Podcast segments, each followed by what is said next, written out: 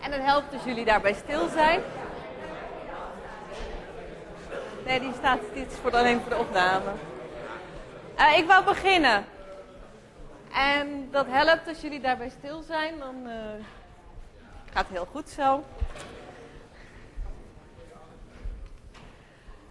Vandaag uh, gaat het hoorcollege gaat over de eindopdracht.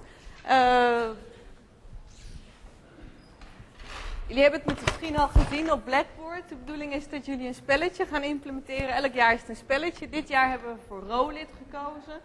Uh, best leuk. Ik heb vanochtend nog gedaan.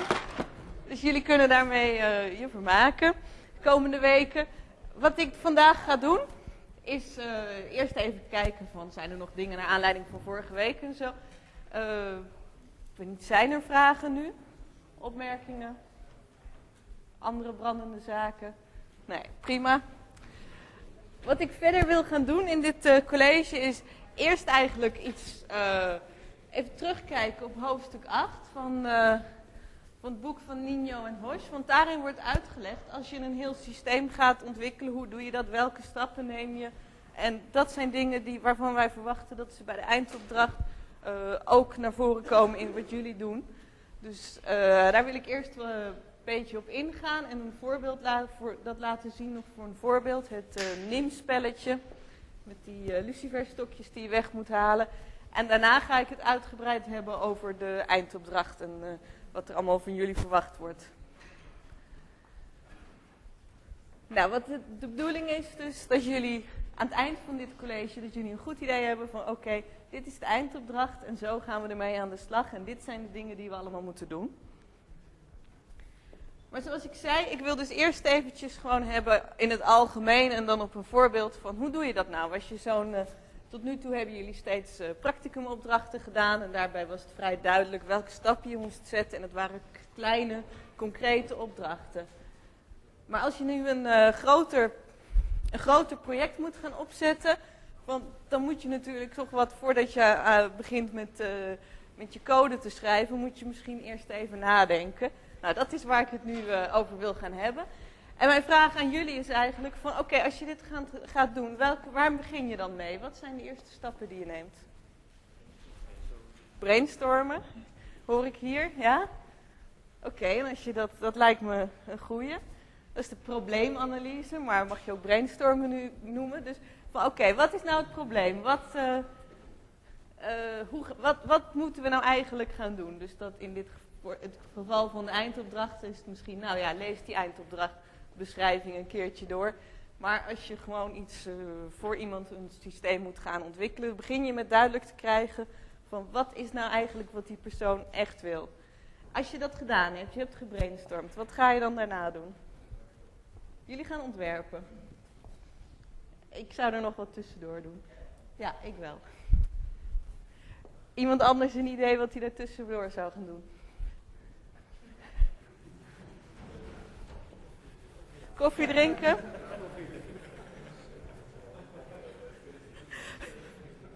Nee, dat kan in parallel. Daar hebben we het vorige week over gehad.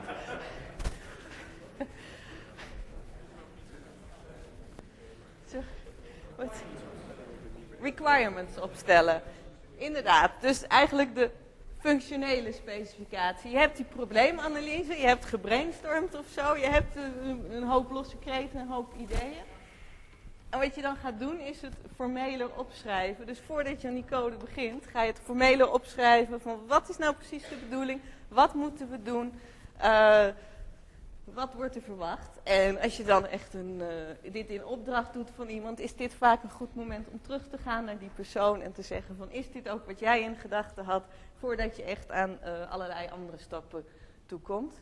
Nou inderdaad, daarna ga je ontwerpen, dus het zit wel aan het begin. Uh, dus dan ga je kijken welke klassen heb ik nodig en hoe moeten die klassen met elkaar samenwerken. Nou, als je dit ontwerp gemaakt hebt, wat ga je dan doen? Nog meer koffie drinken, maar daarnaast? Implementatie. Ja, ik probeer ook die kant. Uh... Dus inderdaad, uh, sorry? ja, oké. En als je die implementatie gedaan hebt, ben je dan klaar? Ik zie hier al testen, inderdaad. Dus dat is uh, de laatste stap. Nou, die laatste twee denk ik dat jullie allemaal sowieso wel zo'n gevoel voor hebben. Maar het is belangrijk, dus als je dit soort dingen gaat doen, als je een groter uh, systeem gaat ontwikkelen, dat je ook echt de tijd neemt om die probleemanalyse te doen. En functionele specificatie en vooral ook dat ontwerp. Dus begin niet gelijk met code te kloppen, maar denk er eerst nog eventjes over na. voordat je het echt gaat doen. En uiteindelijk kan dat je heel veel tijd schelen. 4 en 5 kunnen omgedraaid worden bij test-driven development, ja. En kijk, sowieso, dit hele proces. Ik heb jullie nou een mooi schemaatje laten zien. Maar dit is iets wat, wat heel iteratief is en incrementeel. En als je op een gegeven moment, nou ja, stel dat je bij je testen pas fouten vindt, dan moet je weer terug naar eerdere stappen. Maar ook als, het kan ook zijn dat je met je implementatie bezig bent en dat je denkt, ja, maar dit is toch onhandig en ik kom er gewoon niet uit met mijn implementatie. Moet je weer een stap terug doen naar je ontwerp. Of misschien moet je terug naar de opdrachtgever en kijken van, hé, hey, deze specificatie die we hadden opgesteld klopt toch niet helemaal. Dus eigenlijk ziet het proces er zo uit. Probeer het zoveel mogelijk van, van boven naar beneden te doen. Maar er komen geheid momenten dat je ook weer terug moet uh, naar boven. En dat je dus een stap terug moet doen eigenlijk en moet kijken van oké, waar ik nu mee bezig was, is dat het goede of moet ik het toch anders gaan aanpakken? Andere dingen die je in de gaten moet houden hierbij is dat het uh, belangrijk is dat het proces, uh, dat je dingen op zoveel mogelijk op een compositionele manier doet. Dus dat je dingen, oplossingen, je programma, dat je het opbouwt uh, uit kleinere stukjes. En dat je, soms moet je je focussen op één bepaald stukje of een bepaald algoritme. En dan kun je daarna de dingen samenvoegen en op die manier een nette oplossing krijgen.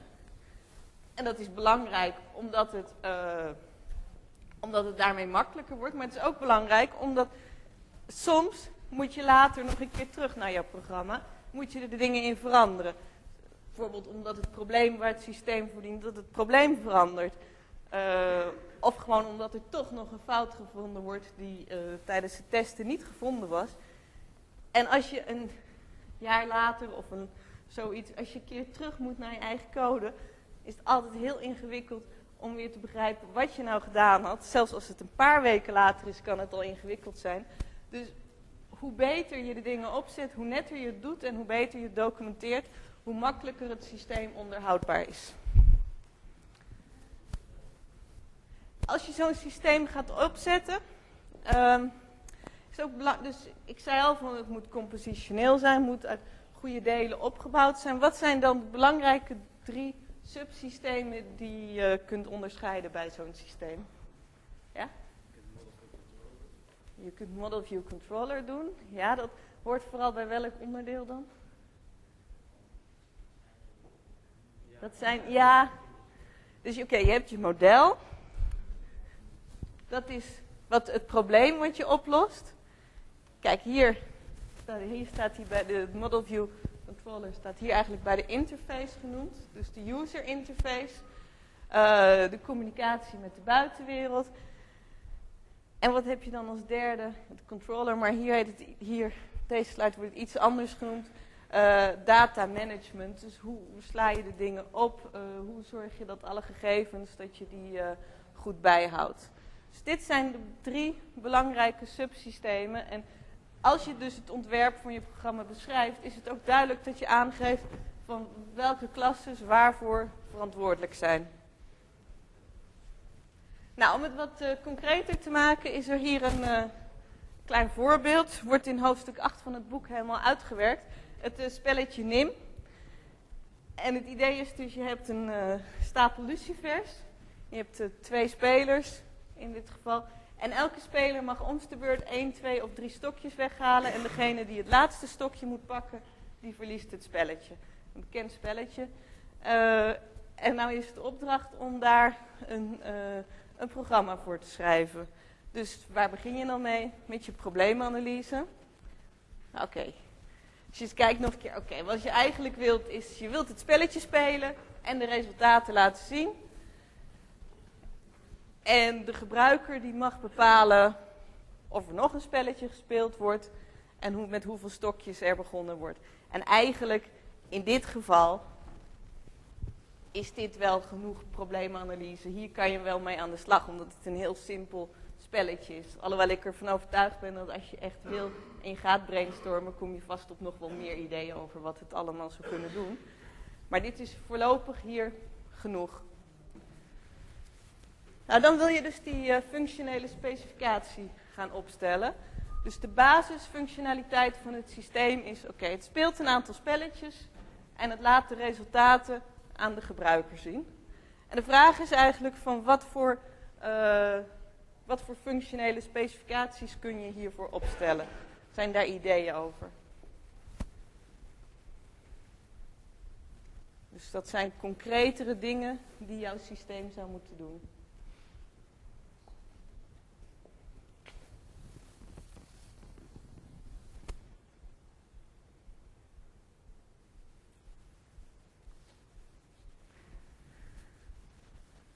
Oké, dus als jullie dit zouden moeten gaan doen, wat is wat je je gaat afvragen, bijvoorbeeld? De interactie tussen gebruiker en computer, Sebastian? Hoe de interface, dus bijvoorbeeld wat wil je op je scherm zien inderdaad, dat zou je ook uh, heel goed hier uh, af kunnen vragen de interactie tussen de gebruiker en de computer. Dus welke gegevens moet de gebruiker ingeven en welke verzint de computer zelf en wat zal die weer vragen aan de gebruiker. Andere dingen? Welke gebruikers zijn er? Computerspeler? Of hier zijn ook een aantal voorbeelden. Dus geeft de gebruiker de mogelijkheid om het aantal stokjes aan te geven. Dat is dus die interactie van wat mag de gebruiker aangeven en wat, mag, wat bepaalt de computer zelf. Wat gebeurt er als er een speler aan de beurt is? Dus het aantal stokjes wordt ingelezen, het wordt verwijderd. Die worden verwijderd en nou, die worden dan verwijderd, dus je doet de zet. Dus dat is wat het systeem zelf doet. Na elke zet laat je de toestand van het spel weer zien. Dus dat is dan die, die interface naar de gebruiker toe. Dit is wat er gecommuniceerd wordt naar de, uh, naar de spelers toe.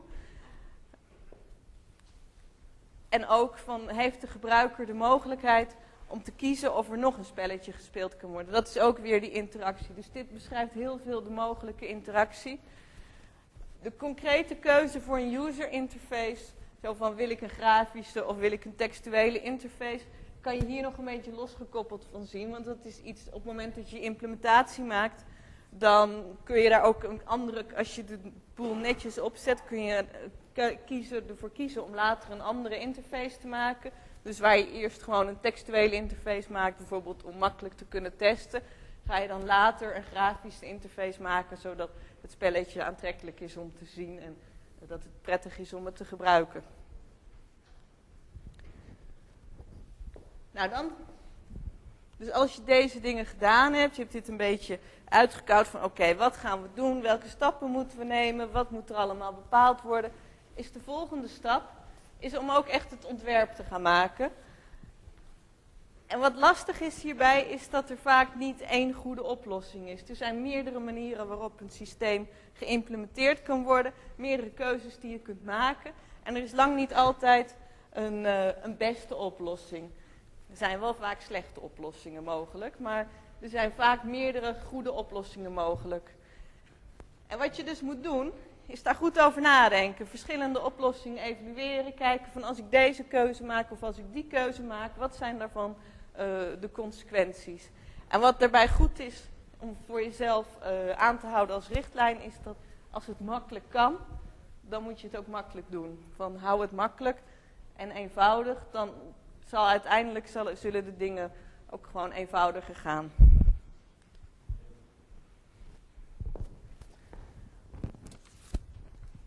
Goed, dus als je nou zover bent dat je gaat eh, ontwerpen, wat ga je dan doen? Welke stappen ga je daarbij nemen? Welke gegevens erop geslagen moeten worden? Ja? Welke klasse je gebruikt? En daarna?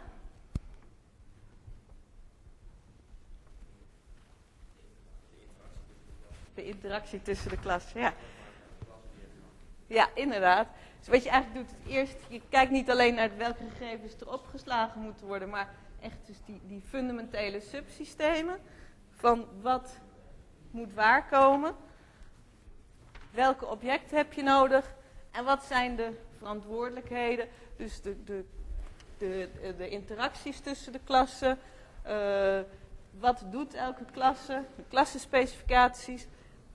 En dus een globaal pseudo-algoritme hoe alles moet gaan werken. Dus op een hoog niveau beschrijf je hoe het systeem eruit gaat zien. En de kunst is altijd om, als je dit doet, om te proberen het los te koppelen van de implementatie. En om niet alles gelijk helemaal in al, alle details op te schrijven, maar om een iets hoger abstractieniveau te houden.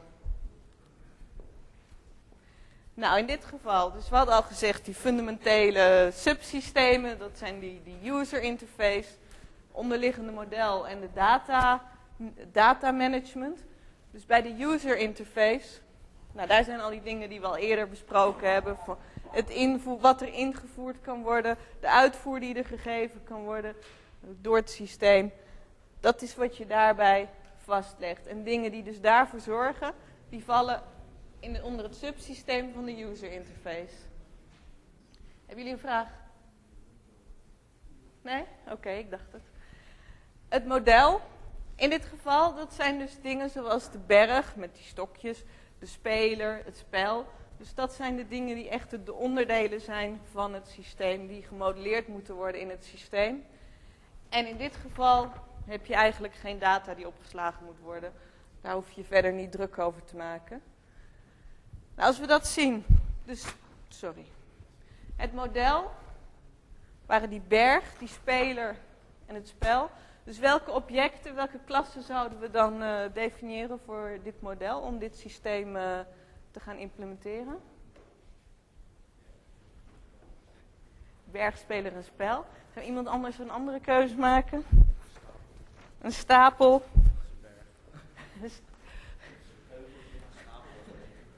Een pile in dit geval.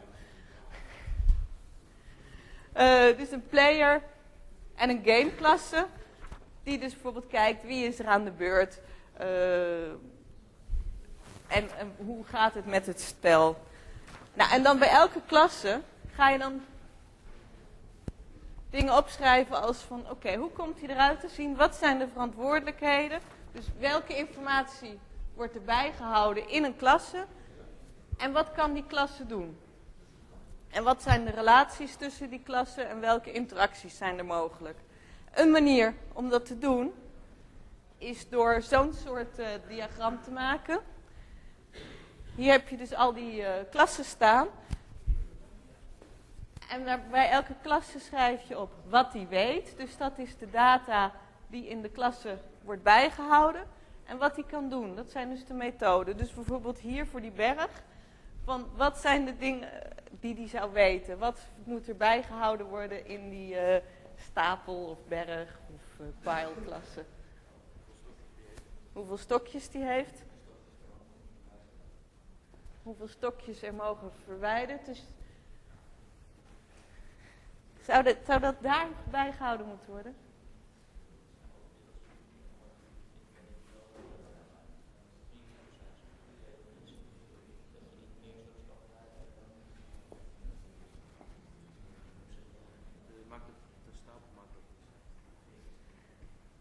De stapel maakt het inderdaad niks. Ik denk dat dit, dit is een uh, verantwoordelijkheid die ergens anders ligt. Die stapel, die, die weet hoeveel stokjes er in de stapel liggen. En je kan er iets mee doen. Stokjes veranderen, je kan stokjes weghalen.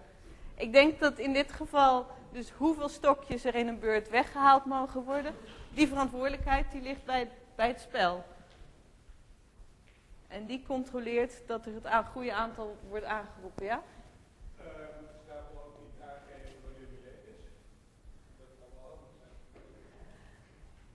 Ja, hij weet hoeveel stokjes er zijn. En normaal gesproken zou je daar dus een, uh, een, een, query hebben waarmee je kan zeggen, zijn er nog stokjes over?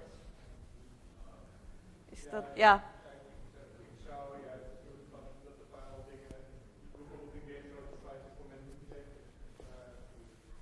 Sorry, kan je nog dat zien? Ik zou bijvoorbeeld bepalen een event laten genereren wanneer het leeg is.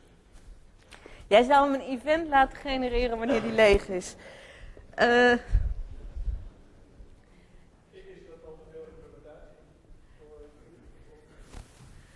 Dat is een keuze die je maakt, maar op het moment dat je dat doet, dan zie je het dus. Kijk, wat je hier zal doen, dit is een heel simpel voorbeeld. Hè, en als je hier dan kijkt, uiteindelijk, die doe, die haalt die stokjes weg en die zal waarschijnlijk teruggeven hoeveel stokjes er nog over zijn. Als jij zegt, ik zou een event genereren, dat klinkt alsof die stapel echt zeg maar een, een denkend object is waar gewoon iets mee gebeurt en dan op een gegeven moment wil die een melding doorgeven aan andere objecten. En dat is voor, dit concrete voorbeeld waarschijnlijk gewoon te ingewikkeld, te complex. Maar er zijn andere voorbeelden denkbaar waarbij dat wel een goed model zou zijn. Nou, dan bijvoorbeeld voor die speler. Wat zou die moeten weten en wat zou die moeten doen? Is er hier iemand die daar een idee over heeft? Ja? Wat voor type speler die is? Wat voor type speler? Je bedoelt of die een computerspeler is of een menselijke speler? Ja? Dat zou, komt in dit voorbeeld niet voor, maar dat zou inderdaad iets uh, kunnen zijn. Andere dingen? Hoe die heet? Hoe die heet, altijd nuttig. Wie zijn ouders zijn. nou ja. Misschien niet zo nodig voor, de voor het abstractieniveau, uh, voor dit abstractieniveau, maar uiteindelijk heel nuttig. Andere dingen die hij zou willen weten.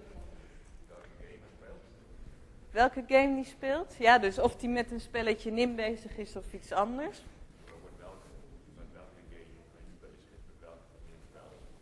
Het hoeveelste spelletje of zo. Oké, ja. Ja, dus welke. Ja, oké. Als je meerdere spelletjes hebt, welke is die mee bezig? Nog andere ideeën? En wat zou de speler kunnen doen? Een zet, ja. Dus die kan zeggen, ik wil zoveel stokjes weghalen. Ja. Nou, hij wil zijn naam weten, inderdaad.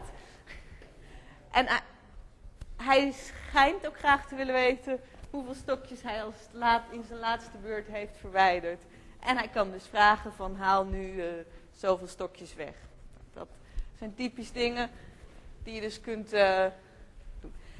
Nou, als je het spelletje, die zal bijvoorbeeld willen weten wie zijn de spelers en waar is de stapel met stokjes. Want die zorgt natuurlijk dat de hele boel gecoördineerd is. Het spelletje houdt hier ook bij wiens beurt het is, wanneer het spel is afgelopen. Dus op een gegeven moment zijn er nog stokjes over. Zo nee, dan is het spelletje afgelopen. En wie is dan de winnaar? Hoeveel, en het spelletje weet ook hoeveel stokjes er per beurt gepakt kunnen worden. Dat is, is hier toch een duidelijke verantwoordelijkheid van het spelletje. En je kan dus een variant bedenken waarbij je minder stokjes of meer stokjes zou kunnen pakken.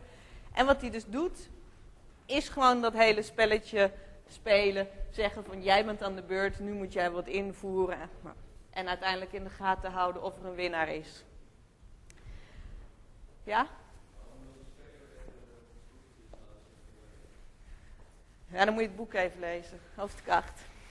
Ik kan het je niet zo vertellen, ik vraag het me nu ook over, maar misschien om een strategie te bepalen of... Dat is waar, dus ik weet het niet. Misschien is dit zinloze informatie. Ik, ik heb hier, sorry, ik heb hier geen antwoord op nu.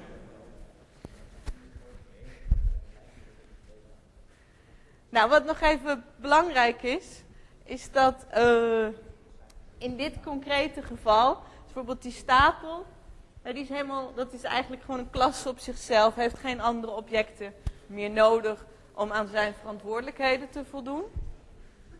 Maar een speler, die heeft dus uh, wel een stapel uh, nodig. En die game, die werkt samen met de speler en de stapel om dus uiteindelijk zo'n spelletje te kunnen spelen. En dat uh, zie je hier wat meer grafisch weergegeven. Kijk hier dus ook vooral naar ter inspiratie. Dit vinden wij hele mooie dingen in het verslag over de eindopdracht. Uh, dus hier... Ja?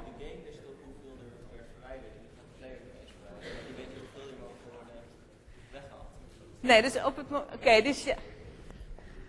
Er wordt hier gezegd...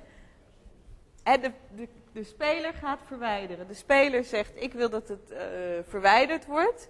En de game die zal dus controleren of de, de speler een legale zet doet. Of die niet te veel stokjes probeert weg te halen. Het zal ergens in de specificatie staan. Maar het, wordt door de, de game wordt het gecontroleerd dat er niet te veel eh, stokjes worden weggehaald. En hier heb je dus een eh, sequence diagram waarin je kunt zien hoe gaat die interactie tussen die verschillende eh, objecten in het systeem. Uh, dus de game die kijkt, zijn er nog stokjes over in de stapel? Nou, als dat het geval is, dan zegt hij tegen de speler die aan de beurt is van doe een zet. En dan wordt die zet uitgevoerd. Hij kijkt of er nog stokjes over zijn. En het aantal stokjes wat er nog over is, wordt steeds teruggegeven aan de spelers. Om op die manier hun volgende zet te kunnen bepalen. Dus dat is, uh, sorry. Nou ja, zo, zo, kun je dus aangeven hoe, er, uh, hoe die objecten zich, uh, wat die met elkaar doen, welke boodschappen ze naar elkaar sturen. Ja.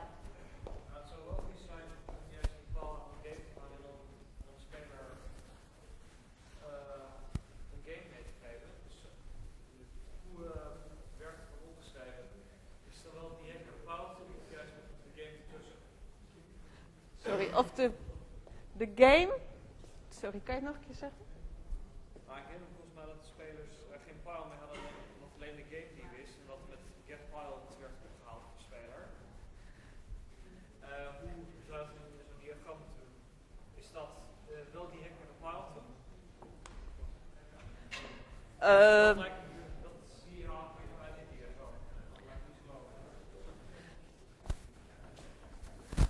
Je zegt oké, dus de, de, players weten niet direct wat de pile is. Dus die kunnen niet direct boodschappen sturen naar de pile. Dat is wat jij zegt.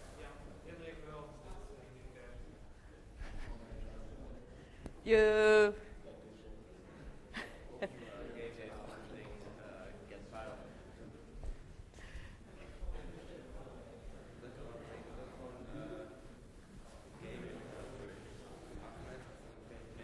Oké, er zijn verschillende oplossingsmethoden worden hier aangedragen. Uh, als je dit soort dingen, kijk, als jij dat hier doet, dus jij zegt eigenlijk, je hebt een soort indirectie van, uh, dus wat er eigenlijk gebeurt is dat die speler die zegt tegen de game, ik wil zoveel stokjes weghalen en dan die, die game die zegt dan tegen de pile, er moeten zoveel stokjes weggehaald. Is dat, ja, en het hangt, kijk, als je dit soort dingen, als je een diagram wilt maken wat leesbaar is, dan moet je soms een bepaalde abstractie daarop toepassen. En dan doe je het direct. Je kunt ook argumenten meegeven. Het is een keuze die je maakt. Uh,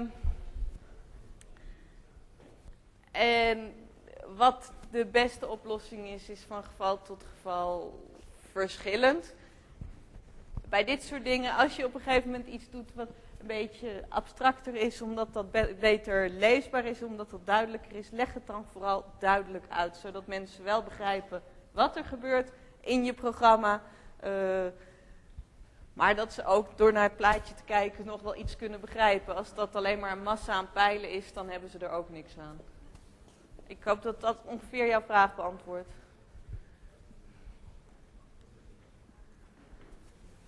Nou, als je dan dit zo gedaan hebt, dit ontwerpniveau, ga je daarna concreter worden. Wat je bijvoorbeeld gaat doen, is echt klassenspecificaties schrijven. En als je het goed doet, dan schrijf je klassenspecificaties voordat je de code gaat schrijven. Dus je gaat eerst opschrijven, bijvoorbeeld van, mijn methode, van de methodes in de klasse. Wat zijn de pre- en de postcondities? Wat zijn de invarianten van de klasse? En vervolgens ga je ze implementeren en dan zorg je dat jouw implementatie aan die specificatie voldoet. Die klassenspecificatie is het contract. Dat is wat een methode of wat een klasse belooft aan de gebruikers. Dus het contract tussen de client en de server. En dus als het goed. sorry, maar het stoort mij heel erg als jullie zo zitten te praten. Dus zou zijn als jullie mond houden. Als jullie vragen hebben, dan stel ze aan mij. Lijkt me handiger. Uh, dus zo'n contract, zo'n specificatie. In principe hoor je dat te schrijven voordat je in je implementatie begint. Uh, en het is dus een abstracte beschrijving van wat zo'n klasse doet. Nou ja, ja?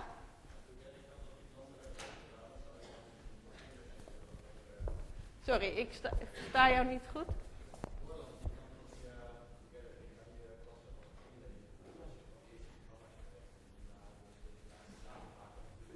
Met jouw specificatie bedoel ik dingen als pre- en postcondities. En volgens mij kan Boorland die niet voor jou genereren. ik weet ook dat mensen niet zo werken, maar dat mensen schrijven eerst hun code en daarna hun specificaties heel vaak. Maar probeer eraan te denken dat je ze op een abstracte manier schrijft. Je specificatie beschrijft wat je code doet, je implementatie doet het. En niet andersom. En als je dat dan hebt, nou ja, dan heb je hier bijvoorbeeld uh, de Java-doc. Dus dat is uiteindelijk als iemand klasses wil gebruiken, dan zou het genoeg moeten zijn om naar de Java-doc te kijken en daar, op basis daarvan te weten van wat doet deze klasse en hoe kan ik die gebruiken. En het zou niet nodig moeten zijn dat iemand dan naar de implementatie moet kijken om een klasse te gebruiken. Nou, de rest van het spelletje, concrete pre- en postcondities, implementaties, al dat kun je nalezen in uh, hoofdstuk 8. Jasper gaat hoofdstuk 8 nu sowieso lezen om die ene vraag opgelost te krijgen. Ja. En, maar kijk hier nog eens in. Ook om gewoon te zien van hoe doe je dat nou, wat zijn al die stappen. En dit geeft een goed idee dus wat wij, waar wij aan denken bij, een verslag, bij het verslag over de eindopdracht. Dus dat is het belang hiervan. Nou, dan kom ik aan de eindopdracht zelf. Ik had al dus gezegd, het is een andere doos, maar hetzelfde spelletje. Maar dit is de reiseditie. Het spelletje Rolit. Het is dezelfde opdracht voor alle practicumgroepen. Op Blackboard staat uh, de hele opdrachtomschrijving. Wat daarin staat, dat zijn de regels. Uh, als ik iets tijdens dit college zeg wat niet precies overeenkomt met wat daar in de beschrijving staat, dan is die beschrijving, dat is Leiden. Kun je niet bij ons komen en zeggen, ja maar op college heb je dit en dat gezegd. Maar lees dus die omschrijving heel aandachtig door en doe wat daarin staat. Nou, ik ga wel proberen om wat ik zeg overeen te laten komen met die opdrachtomschrijving. Maar goed, er kan altijd iets uh, verkeerd gaan. En wat jullie dus moeten doen, is een programma maken, dat inle inleveren. Dus dat zijn de Java-files, uh, de Java-doc met al je, alle specificaties en zo. En een verslag waarin dus dit hele ontwerpproces beschrijft. En dat moet je uitgeprint inleveren. Dit is uh, de planning. Er zijn een aantal uh, onderdelen die verplicht zijn. Om te beginnen is er uh, aanstaande woensdag een werkcollege waar het protocol wordt vastgelegd. Dan moeten jullie een planning maken over hoe jullie de eindopdracht verder gaan uitvoeren. En daarover overleggen. Uh, dan moet er een voorlopige versie van het verslag moet ingeleverd worden. Daarop moeten jullie peer feedback geven op het verslag van een medestudent. Er is een toernooi waarbij de verschillende implementaties uh, met elkaar in competitie gaan. En uiteindelijk op 7 april, dan moet je zowel de code als het verslag inleveren. Dus jullie weten wat jullie te doen staat de komende tijd. Ik ga over al deze onderdelen nog wat uh, meer vertellen. Om te beginnen dus het uh, werkcollege. Dus aanstaande woensdag is het uh, kick-off werkcollege. En aanwezigheid daarbij is verplicht. Het is belangrijk dat iedereen daarbij aanwezig is om ten eerste omdat het de inschrijving is. Op die manier weten wij wie er allemaal meedoen aan de eindopdracht. Maar vooral ook omdat daar tijdens dat werkcollege het protocol wordt vastgelegd binnen de eigen uh, practicumgroep. En dat protocol, dat is uh, tijdens het toernooi, aan het eind van, uh, van deze periode, dan moeten alle implementaties tegen elkaar spelen over het netwerk. En daarvoor is het dus belangrijk dat ze hetzelfde protocol implementeren, ja? Dan speel je toch eigenlijk alleen tegen je eigen? Je speelt alleen tegen je eigen practicumgroep.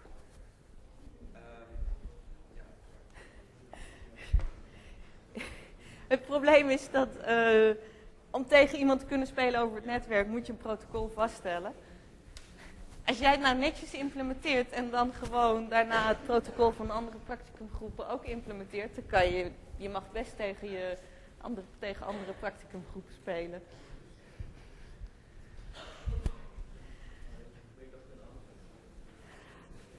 Oké, dus tijdens dat werkcollege wordt dat protocol vastgelegd. En de bedoeling is dat een student dat vastlegt, één van jullie. En diegene die dat doet, die kan daar ook 10 bonuspunten mee verdienen. Dus er zit wel wat eh, werk aan. Het is belangrijk, zoals ik zei, het is de inschrijving eh, voor de eindopdracht. Het is belangrijk dat je dus naar het werkcollege van je eigen practicumgroep gaat. Eh, het zou, er is één bidgroep. Er zijn drie ingroepen, in 1 tot 3. Het zou kunnen dat sommige groepen veel groter zijn dan andere groepen. Dat wordt woensdagochtend even bekeken. En eventueel worden wat mensen op dat moment naar een andere groep doorgeschoven. En dan horen ze dus voor de rest van de eindopdracht bij die groep. Omdat dat eh, makkelijker maakt voor de practicumassistenten om ook feedback te geven. Als de ene een veel grotere groep heeft, kan hij niet genoeg tijd hebben voor alle studenten. Zijn hier vragen over? Nog een goede tip. Het is handig om de opdrachtomschrijving mee te nemen naar het, eh, het werkcollege. Zodat je, en om, nog handiger is om hem van tevoren gelezen te hebben. Zodat je dus weet wat de bedoeling is. De werkcolleges hierna, 6, 7 en 8, dat zijn vragenuurtjes. Eh, en als je daar naartoe wilt gaan, kun je al je vragen stellen. Maar dan moet je een afspraak maken met de werkcollegedocent. Uh, en die komt alleen maar als er een afspraak gemaakt is. Nou, aangezien het woensdagochtend vroeg is, heeft het waarschijnlijk geen zin om woensdagochtend om 8 uur te mailen dat je nog naar het werkcollege wil komen. Ik zou het dan de avond ervoor mailen. Ik kan me heel goed voorstellen als ze s'avonds geen mailtjes hebben, dat ze gewoon door blijven slapen. Het practicum op donderdag, dat blijft gewoon verplicht op de ingeroosterde tijd. En het aftekenpracticum op dinsdag, dat uh, kan gebruikt worden voor assistentie, maar ook daar geldt dat het op afspraak is. Dus alleen als je een afspraak gemaakt hebt, kun je ervan uit, als er iemand is die een afspraak gemaakt heeft, kun je ervan uitgaan dat de practicumassistent aanwezig is. In week 8 dan wordt het aftekenpracticum, dan is de aanwezigheid wel verplicht. Dan wordt het gebruikt om uh, dus de peer feedback die iedereen moet maken, om die af te tekenen. En kun je ook onderling uh, elkaars feedback bespreken.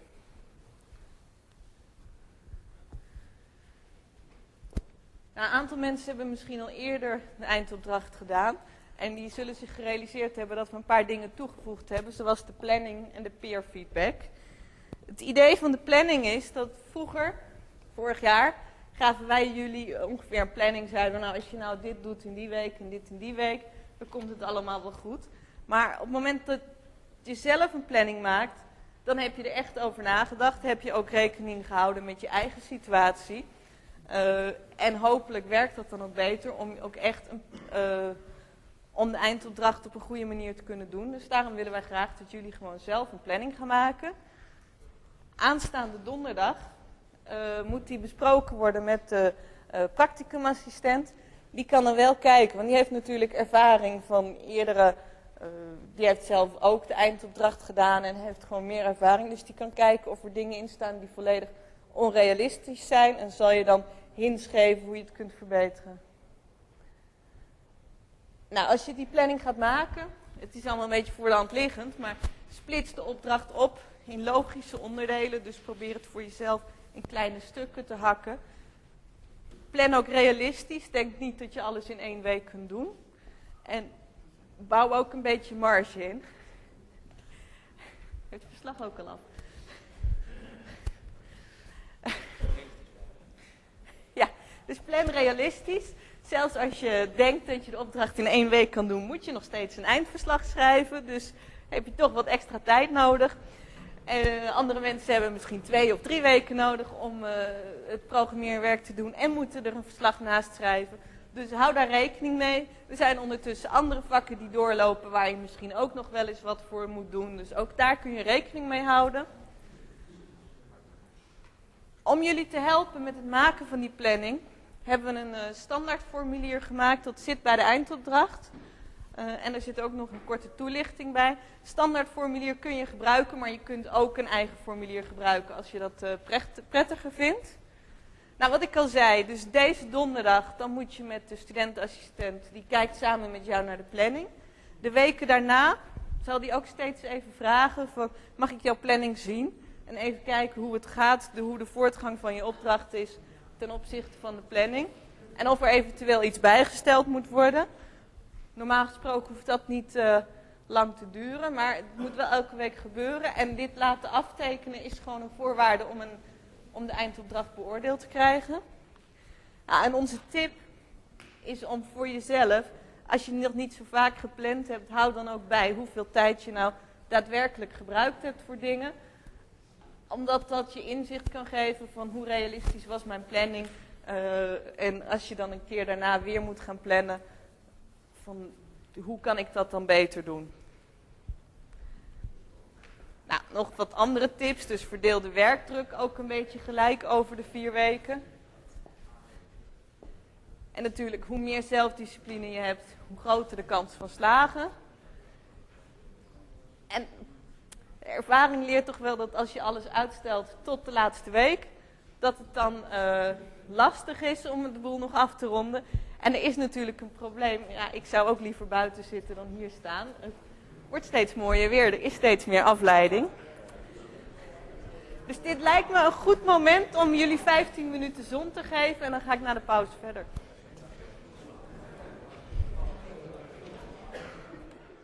Uitspelen. Of heel zachtjes. Heel zachtjes. Niet, niet huilen als je verliest. Dat,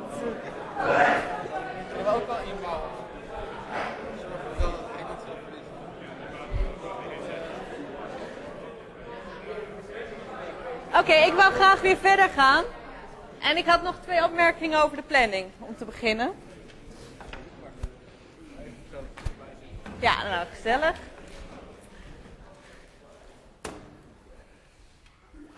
Gaat goed.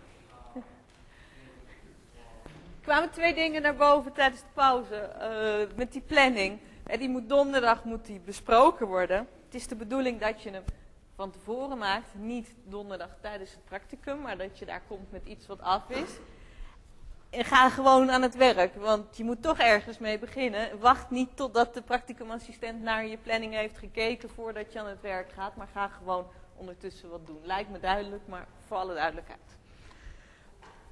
Zijn er verder vragen over de planning of opmerkingen? Volgende onderdeel wat uh, nieuw is, dat is de peer feedback. Het verslag wat jullie moeten gaan maken, dat uh, moet drie onderdelen bevatten. Een globaal ontwerp, een ontwerp per klasse en een testverslag. En de, een eerste versie van het verslag waarin je onderdeel 1 en 2 beschrijft, moet je op een gegeven moment, dus na drie weken zeg maar, moet je dat inleveren. Uh, wat er eigenlijk op neerkomt dat je het moet doorsturen naar een ander groepje uit jouw eigen practicumgroep. En jij ontvangt ondertussen een verslag van iemand anders. En dat moet je dan doorlezen en becommentariëren. We hebben daar een uh, standaardformulier, dat zit bij de opdrachtomschrijving. En dat standaardformulier is de bedoeling dat je invult en eventueel, nou, het zijn wat dingen die je kunt aanvinken. En je kunt toelichting geven. Dan tijdens het aftekenpracticum op dinsdag van week 8. Dan moet je laten aftekenen dat je hier aan meegedaan hebt. En ook dat laten aftekenen is gewoon een voorwaarde om een beoordeling te krijgen voor je eindopdracht. Dus dat moet je gewoon doen. En je kunt dat, die tijd daar zo ook gebruiken om nog een mondelinge toelichting te geven. Soms als er iets op papier staat is het niet duidelijk. Kan het helpen om er ook met iemand over te hebben. We hebben dit ingesteld omdat we gemerkt hebben dat het, het is heel lastig om dus zo'n verslag te maken. En vooral dat je dat in één keer moet inleveren zonder dat je er feedback op hebt gehad. En wat we hopen op deze manier is dus dat het helpt voor jou om feedback te krijgen op wat je tot nu toe gedaan hebt. Om te kijken, is het begrijpelijk? Kan iemand anders ook begrijpen wat ik allemaal heb opgeschreven? En het kan je ook helpen om te zien hoe iemand anders dingen opschrijft. Dat je denkt, oh dit is veel duidelijker. Of van, oh dat is uh, ook een mogelijkheid. Dus het kan je ook helpen om inzicht te krijgen in hoe anderen dat doen. Het uh, is natuurlijk, dat is duidelijk bij een onderdeel als dit. Het succes ervan, dat uh, hangt af van je inzet. En je kunt gewoon natuurlijk helemaal niks doen. Maar hou er dan rekening mee dat iemand anders, die zal er wel tijd in steken om naar jouw verslag te kijken. En om daar uh, constructieve feedback op te geven. Dus het is wel zo aardig als jij dat ook doet. Uh, we zullen op, vanuit praktisch oogpunt. Dus woensdag tijdens het werkcollege, dan wordt er een lijst gemaakt van alle groepjes. En dan zullen wij op basis van die lijst aangeven van wie het verslag van wie moet beoordelen. Dan op uh, vrijdag 25 maart is het de bedoeling dat je de versie van het verslag die je dan hebt opstuurt naar degene die jou moet beoordelen. En daar gaan wij verder niet tussen zitten, want dat geeft alleen maar extra vertraging. Maar denk daar dus aan uh, dat je dat niet vergeet. En wat ik ook nog wilde zeggen, we hebben dus een standaardformulier om feedback te geven. Uiteindelijk de eindbeoordeling van het verslag. Daar worden naar dezelfde onderdelen gekeken. Maar er zit een stuk extra bij, omdat we ook naar het testgedeelte kijken. En natuurlijk ook naar de code. Ja?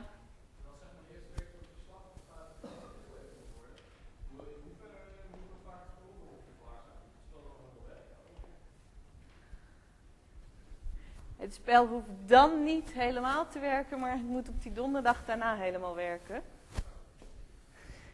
En we hebben dit gedaan omdat we merken dat, omdat, dat is goed dat je me erop brengt. We, we, hebben ook gemerkt dat veel mensen, dan ben je zo druk bezig met die code, want dat is natuurlijk leuk en dat krijg je werkend. En dat dan op een gegeven moment, dan moet in twee dagen nog een verslag geschreven.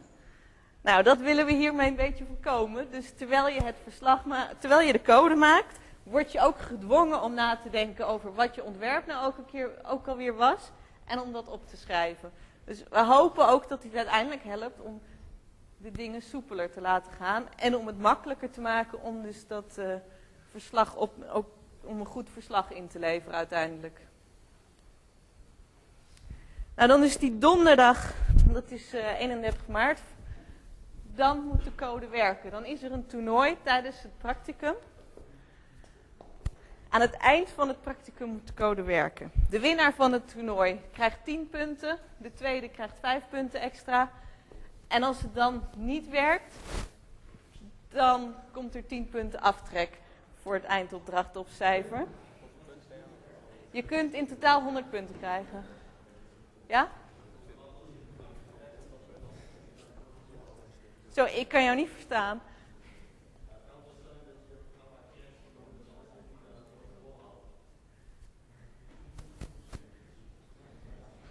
Dat moet je toch afvangen. Sorry? Het moet werken met je eigen server, oké? Er werd hier net een vraag gesteld van uh, of het met twee, drie of vier spelers uh, gedaan gaat worden. Het wordt in elk geval het toernooi met twee spelers gespeeld en mogelijk ook met vier spelers.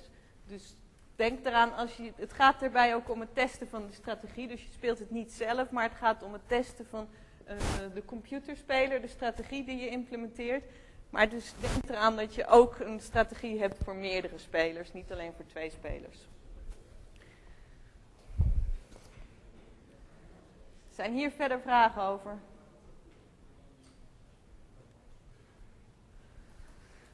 Nou, als je al deze onderdelen gehad hebt, het enige wat je dan nog moet doen, is gewoon de code netjes maken. En het verslag netjes maken. En de deadline daarvoor is dus uh, donderdag 7 april, dus na het toernooi en na de peer feedback heb je nog een week om alles af te ronden.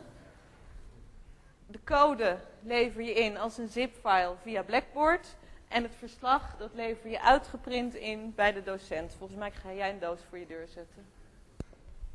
Jij, bij jou toch, Louis? Ja. Ja, dus bij Louis.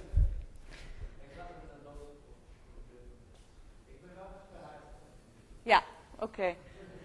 Ja, oké. Dus de, het verslag leveren jullie in bij Louis. En we zullen voor alle zekerheid nog eventjes Louis' kamernummer op Blackboard uh, zetten. Dat, dat jullie daar. Dat jullie niet over de vijfde verdieping hoeven, hoeven te dwalen op zoek naar de kamer van Louis.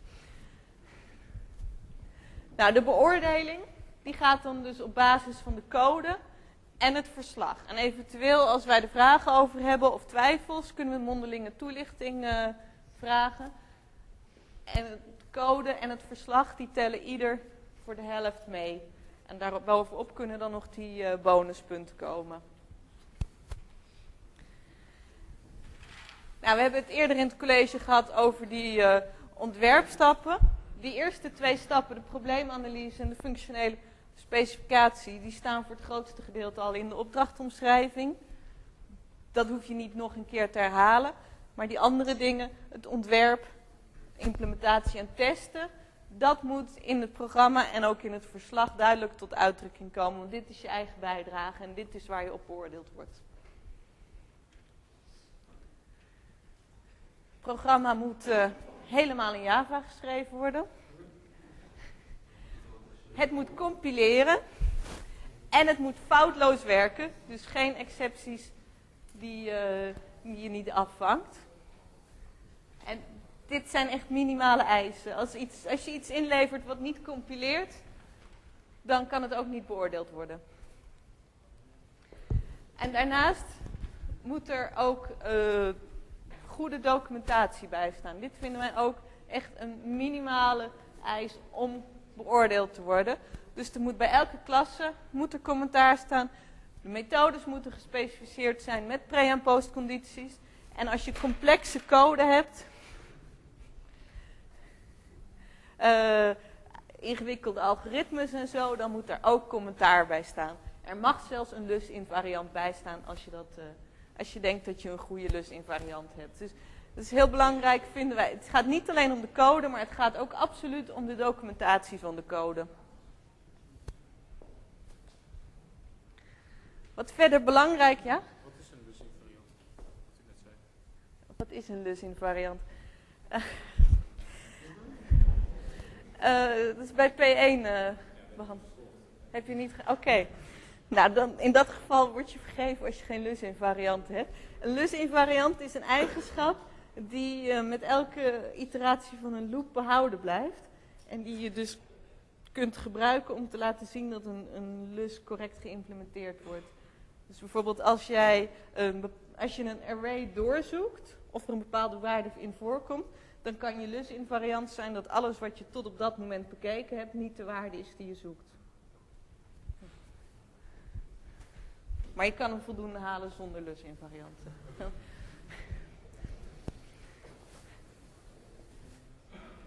Wat wel echt nodig is, is dat je een goede codestructuur hebt. Dus gebruik packages, uh, zet de dingen netjes bij elkaar. Ga niet uh, rare knip- en plakwerk doen.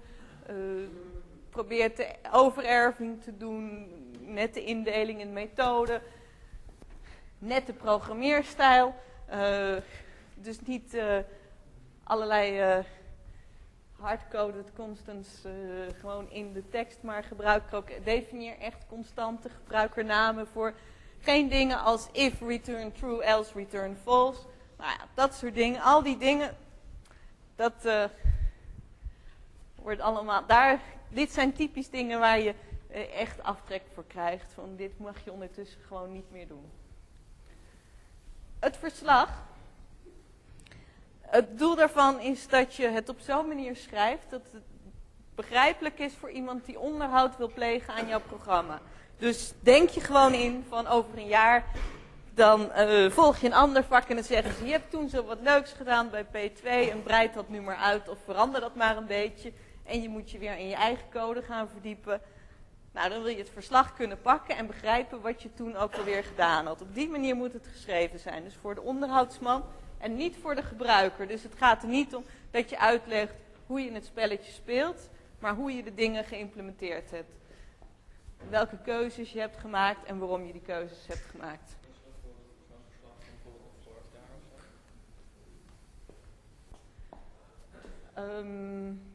Is er zijn.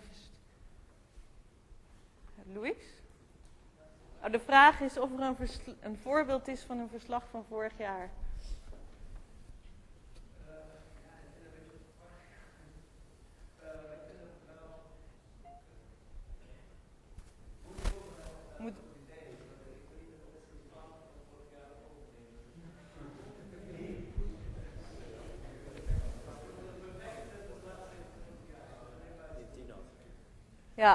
Die zijn er wel.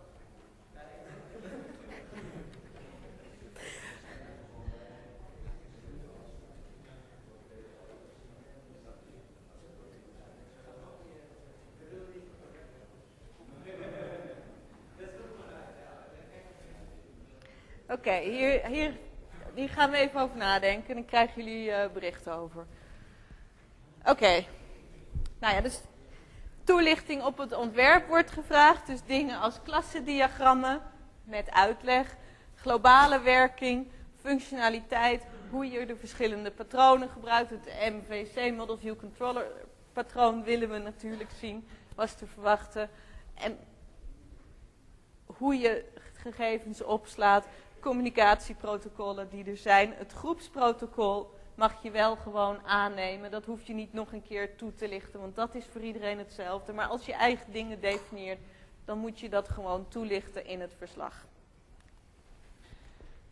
En ja, dus het is gewoon, de ervaring leert dat het heel erg handig is om ruim op tijd met het verslag te beginnen.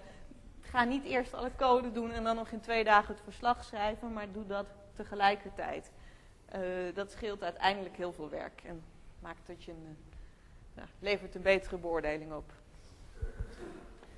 Nou, dan nog verder over het verslag. Dus bij elke klasse leg uit van wat is de rol van de klasse in het systeem, wat zijn de verantwoordelijkheden. Dus zo'n diagrammetje als we net gemaakt hebben bij het NIM-spel van wat weet de klasse en wat kan de klasse doen, wat zijn de relaties met andere klassen, alles wat er bijzonder is over deze klasse.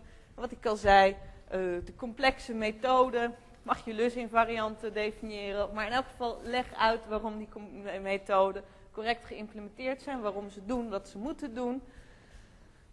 En doe dat op een duidelijke manier, zodat iemand echt, zodat diegene die naar jouw code kijkt, echt weet wat er aan de hand is.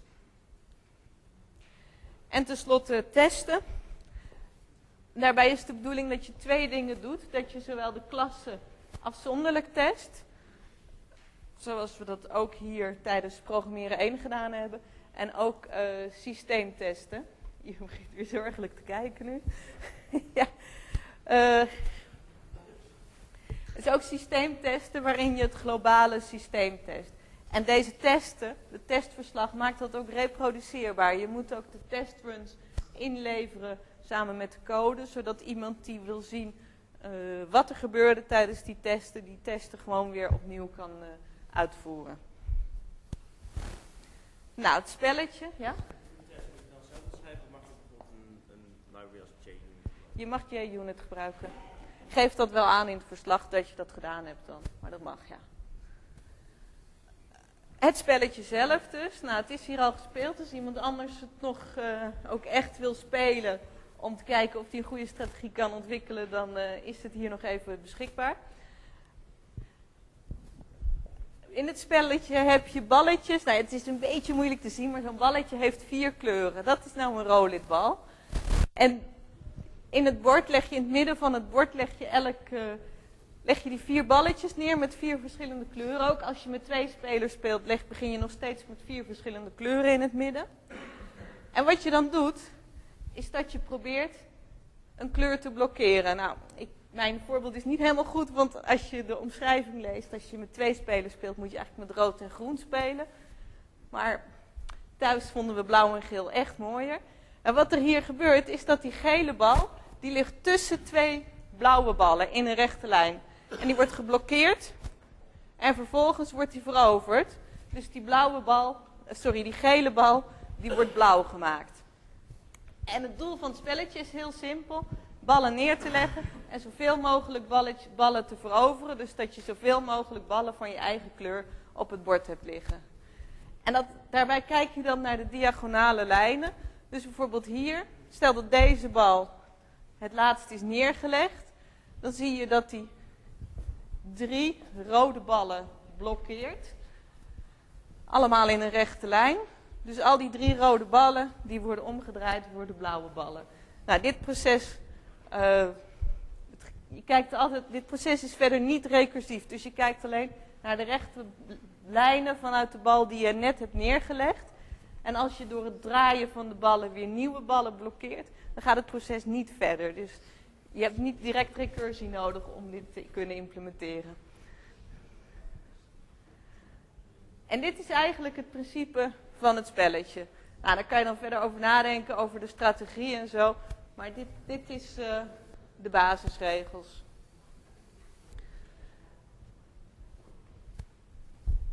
Nou, dit is al een beetje ter sprake gekomen. Het spelletje moet, je moet het kunnen spelen over een netwerk. Daarvoor ga je dat protocol vaststellen. Eh, dus daar worden sockets voor gebruikt. Eh, tijdens het werkcollege woensdag wordt het protocol vastgelegd. De server die zal dan typisch dingen doen als eh, de game manager of misschien geeft hij alleen maar de zetten door. Dat is iets wat je tijdens het werkcollege in je eigen groepje vastlegt. De server moet in staat zijn om meerdere spelletjes tegelijkertijd te laten draaien. Dus hij mag niet geblokkeerd zijn als er een, als er een spelletje gespeeld wordt. En hij kan mogelijk een view van het bord laten zien. Dat is iets wat je zelf eh, ook kunt afspreken. De client, die moet sowieso een grafische user interface van het spel laten zien. En hij moet twee soorten spelers ondersteunen. Menselijke spelers en dus computerspelers die zelf een strategie implementeren. En dat is dus wat eh, getest wordt tijdens het toernooi. En voor de menselijke spelers moet er een hint-functie aanwezig zijn. Dus dat je een suggestie krijgt over welke zet je zou kunnen gaan doen. En wat belangrijk is, is dat je applicatie moet kunnen samenwerken met andere clients en servers van je eigen practicumgroep. Dus je moet het protocol op een correcte manier implementeren. En dan kun je nog uitbreidingen maken, zoals een chat-functionaliteit en een challenge-functionaliteit. En voor elk van deze uitbreidingen kun je ook vijf eh, bonuspunten verdienen. Maar we hebben wel afgesproken van deze worden alleen maar beoordeeld eh, als je een goed, als je een eh, implementatie hebt van het spelletje die ook functioneert. Dus maak, concentreer je eerst op het spelletje zelf voordat je aan de bonusuitbreidingen begint. Nou, die grafische, ja?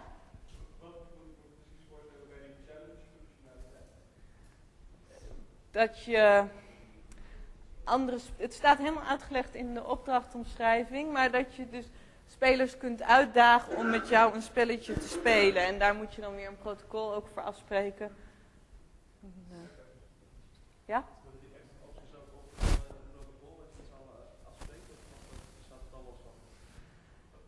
Eh,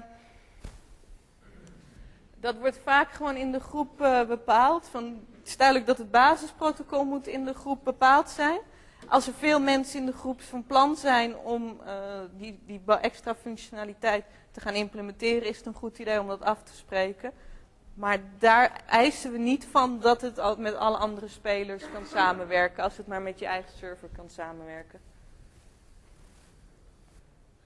Nou, de user interface moet netjes opgebouwd worden. Dus je gebruikt eh, panels die met die verschillende functionaliteiten overeenkomen. Hij moet resizable zijn. Dus werd net al gevraagd, wat betekent dat? Nou, dat betekent dus als je je window, als je scherm groter maakt, dat het er nog steeds goed uit blijft zien. Dus dat bijvoorbeeld je bord ook groter wordt en dat er niet een raar verwrongen iets komt of dat je een heel klein minuscuul eh, bordje in het midden van een heel groot leeg scherm hebt staan.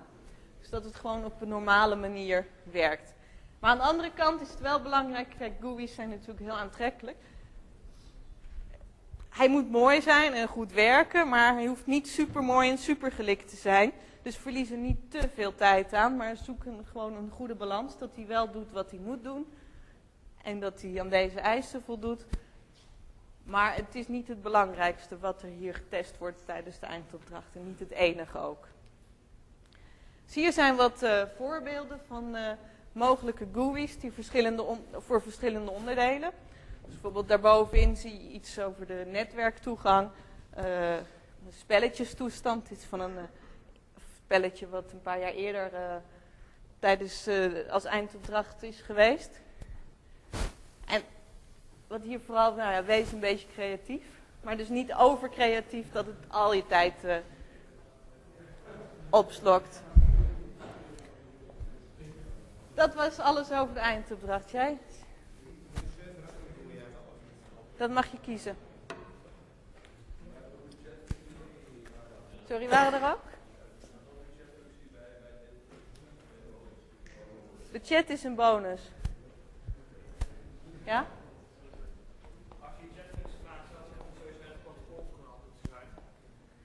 Ja, dat was net de vraag ook. Uh, als er nou veel mensen in de groep zijn die zeggen ik wil dit gaan doen, spreek dan een protocol af, want dan kan je het met elkaar testen. Maar hij moet het met je de, de chat, de bonusfunctionaliteit moet het in elk geval met je eigen server doen. Als jij de enige bent in de groep, dan hoef je niet met de groep verder een protocol af te spreken.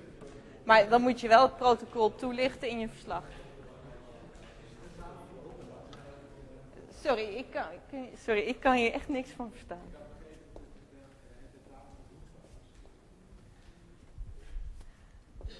Het tentamen op woensdag. Volgens mij is het op donderdag. Dat heb ik in de laatste versie van het rooster gezien. Is dat een woensdag? Oké, nou het tentamen is op 13 april. En dat is een woensdag. En ik heb mij gewoon vergist. Maar dat is inderdaad een woensdag, want jullie moeten op donderdag 7 april natuurlijk het, uh, de code en het verslag inleveren. Dus het blijft 13 april, maar het is een woensdag. Ik zal zorgen dat het gecorrigeerd uh, in de slides komt te staan. Wat wel klopt, is wat hieronder staat. Dus de stof voor het tentamen. Vandaag was het uh, laatste hoorcollege voor dit vak. De resterende maandagen kunnen jullie dus uh, goed, hebben jullie tijd om aan de eindopdracht te besteden. En al deze onderwerpen die hier staan, die zijn dus in de eerste vier weken aan de orde geweest. Zijn daar vragen over?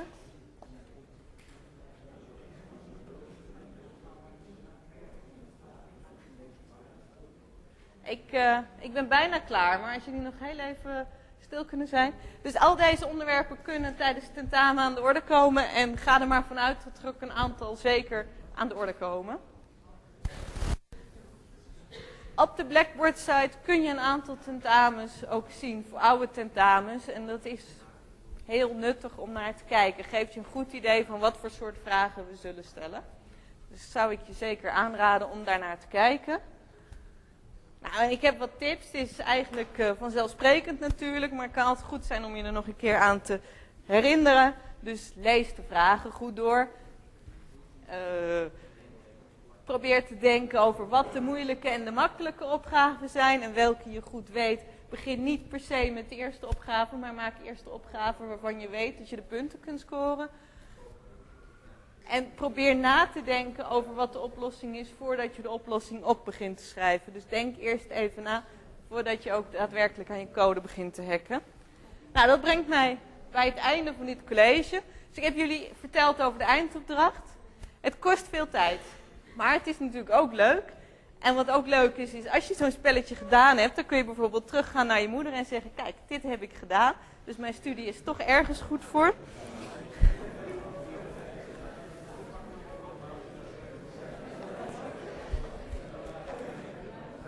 En, Het, het lijkt misschien heel veel werk, deze eindopdracht. Maar bedenk wel van, eh, dit is niet de eerste keer dat we het doen. De mensen vorig jaar hebben ook een spelletje gedaan en de jaren daarvoor ook. Die zitten niet allemaal hier om het te herkansen. Dus het is gewoon goed te doen. Van, je kunt het best. En als je eenmaal die eindopdracht gedaan hebt, dan is natuurlijk dat tentamen een eitje. Dus dat was eh, mijn verhaal. Zijn er nu nog vragen? Ja? Ik heb een spel. Het staat niet echt heel duidelijk in wanneer het begint. Het kan met twee, drie of vier spelers, maar wie bepaalt dat en... Oké, dus er is hier een vraag over het spel, over hoe dat zit met die twee, drie en vier spelers en wanneer begint het spel. Dit is een onderdeel van het protocol wat jullie tijdens eh, het werkcollege kunnen bespreken. Dus daar kies je gewoon een oplossing voor met de groep. Zijn er andere vragen nu? Nee, dan wens ik jullie succes met de eindopdracht en het eh, tentamen op woensdag 13 april.